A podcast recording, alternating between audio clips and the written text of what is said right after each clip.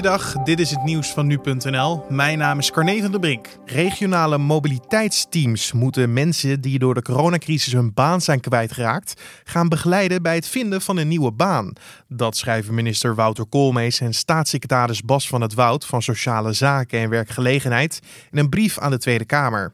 Het kabinet gaat in totaal 1,4 miljard euro vrijmaken om mensen die hun baan verliezen te begeleiden naar nieuw werk. De Kamer debatteert vandaag over het derde steunpakket voor bedrijven en zelfstandigen die door de coronacrisis in de problemen komen.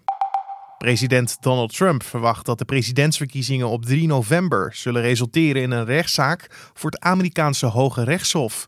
Om die reden meent hij dat het belangrijk is dat er zo snel mogelijk een nieuwe oprechter komt die Ruth Bader Ginsburg vervangt.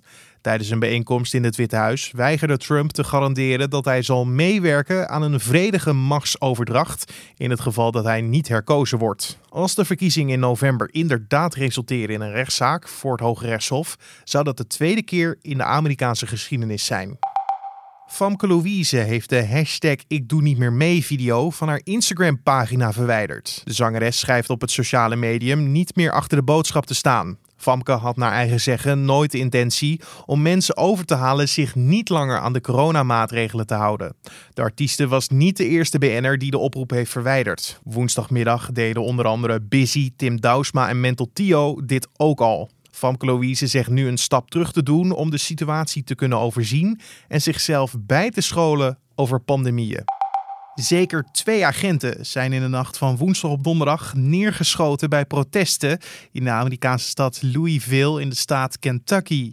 In de stad werd geprotesteerd tegen het besluit om de agenten die betrokken waren bij de dood van Breonna Taylor daar niet te vervolgen.